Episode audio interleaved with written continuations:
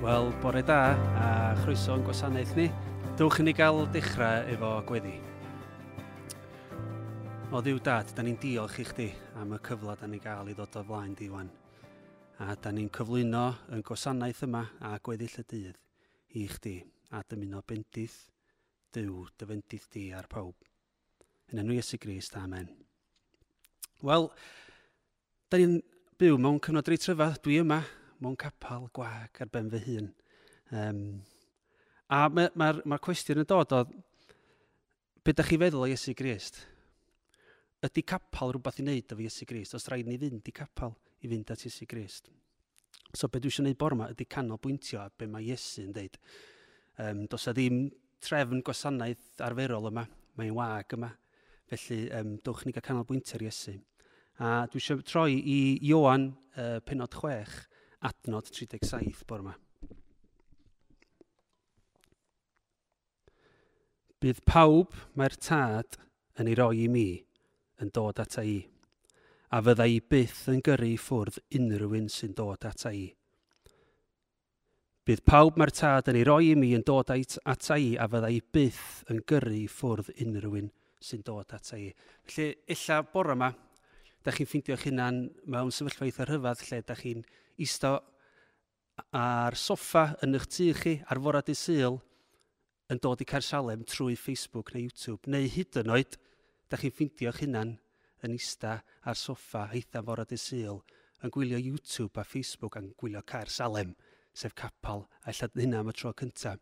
Ond dwch ni canolbwyntio beth mae Iesu dweud, mae'n deud pwy bynnag sy'n dod ato fo, neith o ddim gyrru nhw ffwrdd um, mae'r cyfnod yma'n eitha anodd, Mae'n ma, ma gallu fod yn gyfnod reit braf ar un ffordd, ond hefyd mae yna straen yn does. Da ni'n gweld straen um, ar gymdeithas, mae yna straen ar unigolion hefyd.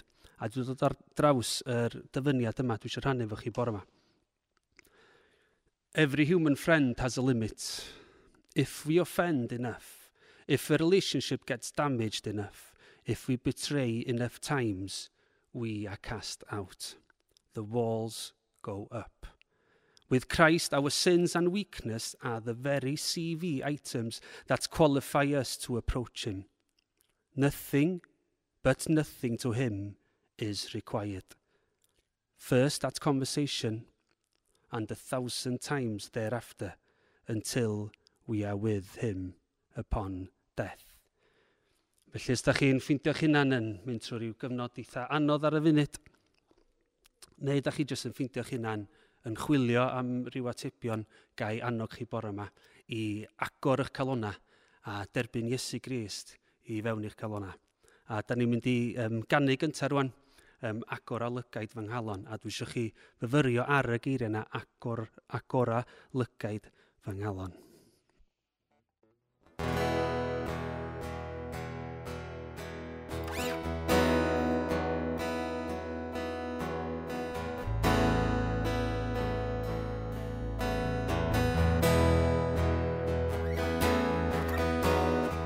ac o'r alygaid fy nghalon, ac o'r alygaid y naw, rwyf am dy weld i, rwyf am dy weld i. Ac o'r alygaid fy nghalon, ac o'r fellygaid y naw, rwyf am dy weld i, rwyf am dy weld gweld yn dyrchafedig bryn Disgleirio yng ngoleini dogoniant. Tywallt y gariad adner Fe gan nhw'n sanctai, sanctai, sanctai Sanctai, sanctai, sanctai Sanctai, sanctai, sanctai Sanctai, sanctai, sanctai Drwy fam dy weld i. Sanctai, sanctai, sanctai. Sanctai, sanctai, sanctai. Sanctai, sanctai, sanctai. Rwyf am dy weld i. Bydd weld yn dyrchafed i higfrin. Isgleio hyngolein i dogoniant. Tywad y gariad adner. Fe gan nhw'n sanctai, sanctai, sanctai. Ac o'r llygaid fy nghalon ac o'r fy llygaid yna rwyf am dy weld i. Rwyf am dy weld i. Ac o'r fy llygaid fy nghalon ac o'r llygaid yna rwyf am dy weld i. Rwyf am dy weld i. Wel, da ni am gannu emu nesaf. E, Mae'n siŵr sy'n adnabyddus i lot o'n chi. Dyma gariad fel y moroedd. Ond dwi'n mynd i ycherio chi bore yma. A da ni'n mynd i newid un gair yn y gan. Da ni'n yn ytrach na canu dyma gariad fel y moroedd. Da ni'n mynd i canu dyma gariad mwy na'r moroedd. Oherwydd oedd hyn oedd Iesu Grist yn gynnig i ni yn rhywbeth mwy na sy'n ma ar y byd. Um, felly, dewch i ni gannu'r emyn nesaf rwan.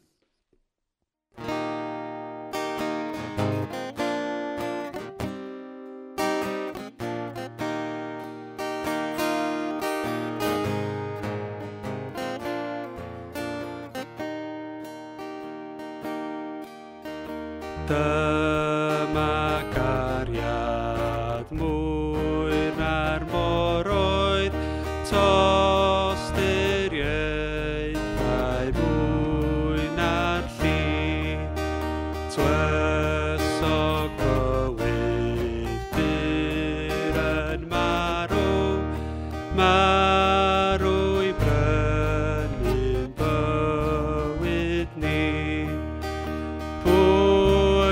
spät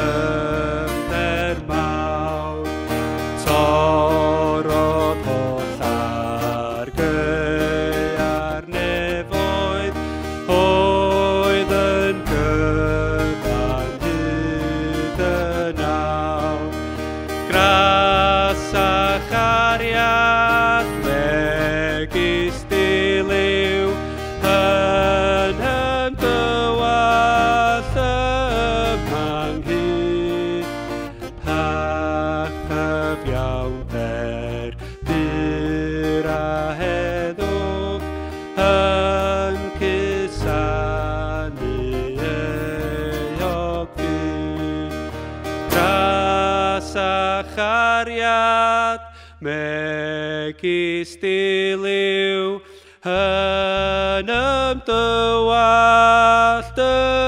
ymanghyd a chyfiawn derpyr a heddwch yn cysanu yn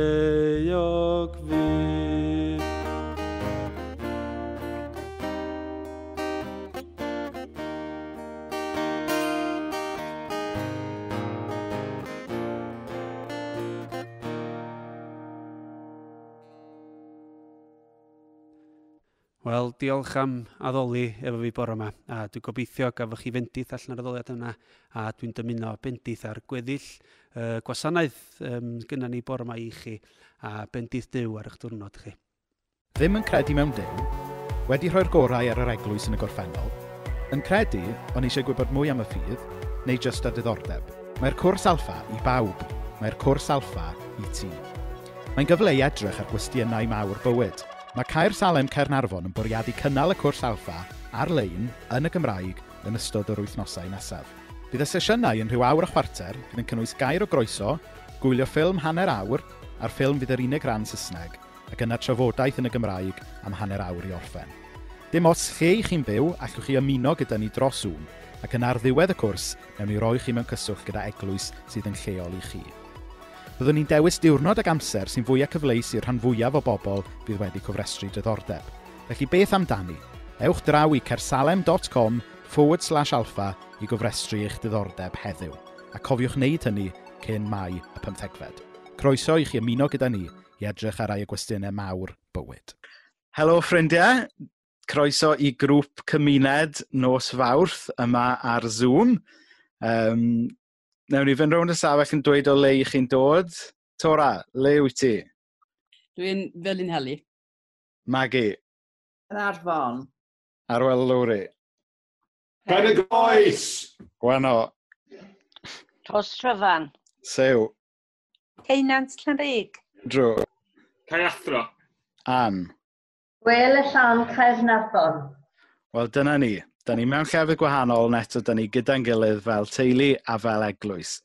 Um, os ych chi ddim yn rhan o grŵp cymuned, um, a bod chi yn meddwl byddwch chi'n hoffi ag un o'n grwpiau cymuned yn yr amser yna, yna please cysylltwch gyda fi ac allwn ni gysylltu gyda chi yn un o grwpiau. Ond am nawr, hwyl fawr! Un o negeseuon canolog Iesu – oedd fy teirnas ddiw ger llaw, neu fy teirnas ddiw yn agos. Ac un o'r rannau mwyaf enwog gweddi'r arglwydd yw deled dy deirnas. Ond beth yn union yw'r syniad yma sydd yn y Beibl am deirnas ddiw, a bod y deirnas yma yn dod yma fel yn y nefoedd.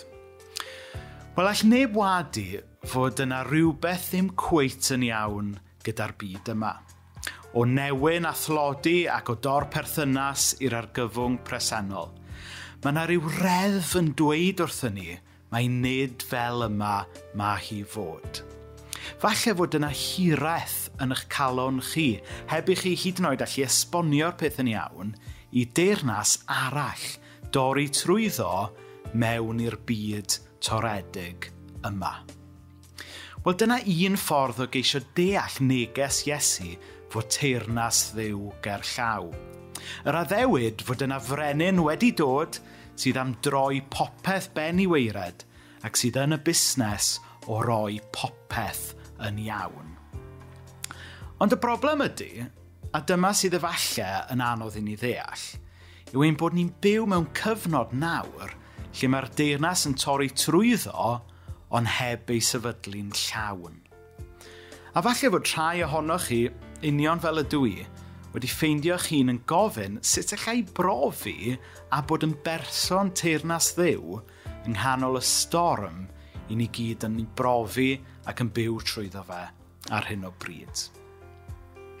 Dwi am awgrymu fod modd i bawb fod yn bartneriaid efo Dyw yn y gwaith o dorri ei deyrnas trwyddo yn y byd heddiw. Yn yr Hen Testament, yn Exodus 19 adnodau 7 a 6, mae Dyw yn dweud wrth ei bobl, Fi sydd biar ddeiar gyfan, a byddwch chi'n offeiriaid yn gwasanaethu'r brenin ac yn genedl sanctaidd. Dyna'r neges rwy ti i'w rhoi i bobl Israel.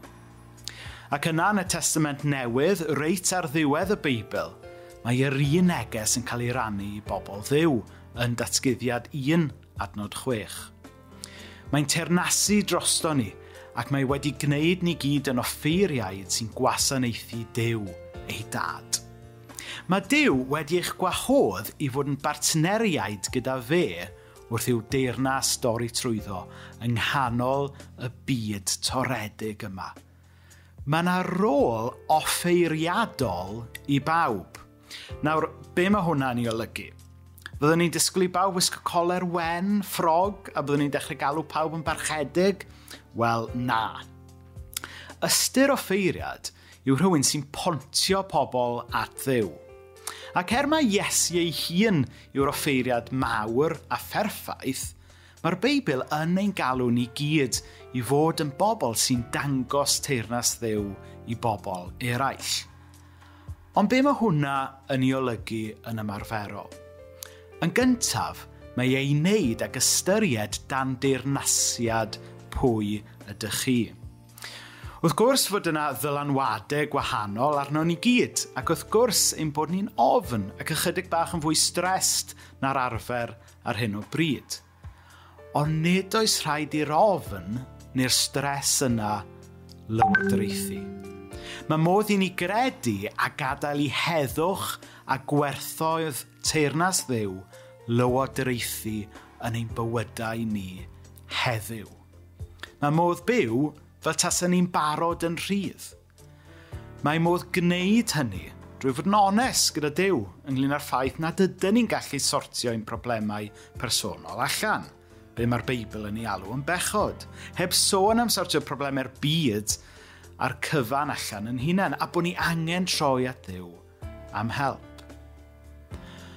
Yn lle gadael i'r ffordd i ni'n byw, y ffordd da ni'n siarad efo'n gilydd a beth da ni'n gwneud gyda'n amser a'n egni gael ei reoli gan ofn a stres, fe allwn ni fyw drwy adlu werthoedd ag ysbryd teirnas ddiw yn rheoli ni. Pan oedd Dyw yn gwahodd i bobl i fod yn bartneriaid efo fe, yn yr exodus ac hefyd yn datgyddiad, oedd e'n gwahodd ei bobl i fod yn offeriadon mewn amgylchiadau anodd.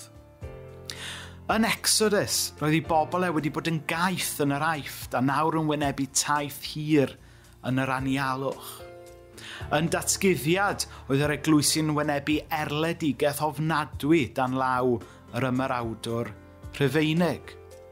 Ond roedd pobl diw dal yn cael ei galw i fod yn bobl y deyrnas, yn cael ei galw'n offeriadon ac yn bobl oedd yn tystio a dangos fod teyrnas well yn torri trwyddo hyd yn oed yn wyneb ar gyfwng. Dydy gobaith y Cristion ddim yn dibynnu ar circumstances heddiw. Mae'n dibynnu ar yn gobaith fod teyrnas well yn torri trwyddo. Yng nghanol yr argyfwng yma, wy'n credu y gallwn ni weld arwyddion o'r deyrnas yna yn torri trwyddo. Wrth i'r banciau bwyd sy'n cael ei redeg gan eglwysi trwy'r wlad fwydo mwy a mwy o bobl. Wrth i bobl stopio a meddwl am ddiw a Iesu, falle am y tro cyntaf erioed neu o leiaf am y tro cyntaf ers bod nhw'n blant yn ysgol sil. Wrth i bobl garu a gwasanaethu eu cymdogion mewn ffordd da ni heb weld ers cenedlaethau yng nghanol teirnas ofn, da ni'n cael sbecian ar deirnas well yn torri trwyddo, sef teirnas ddew. A mae yna wahoddiad, nid yn unig i bawb ddod yn blant ac i berthyn i'r deirnas yna, ond mae Dyw hyd yn oed yn gwahodd ni i fod yn bartneriaid, yn offeriadon yn ei deyrnas e. Wrth i ni fyw mewn teyrnas flinedig, gadewch i ni fod yn bobl y deyrnas anweledig sy'n torri trwyddo. Pob bendith i chi.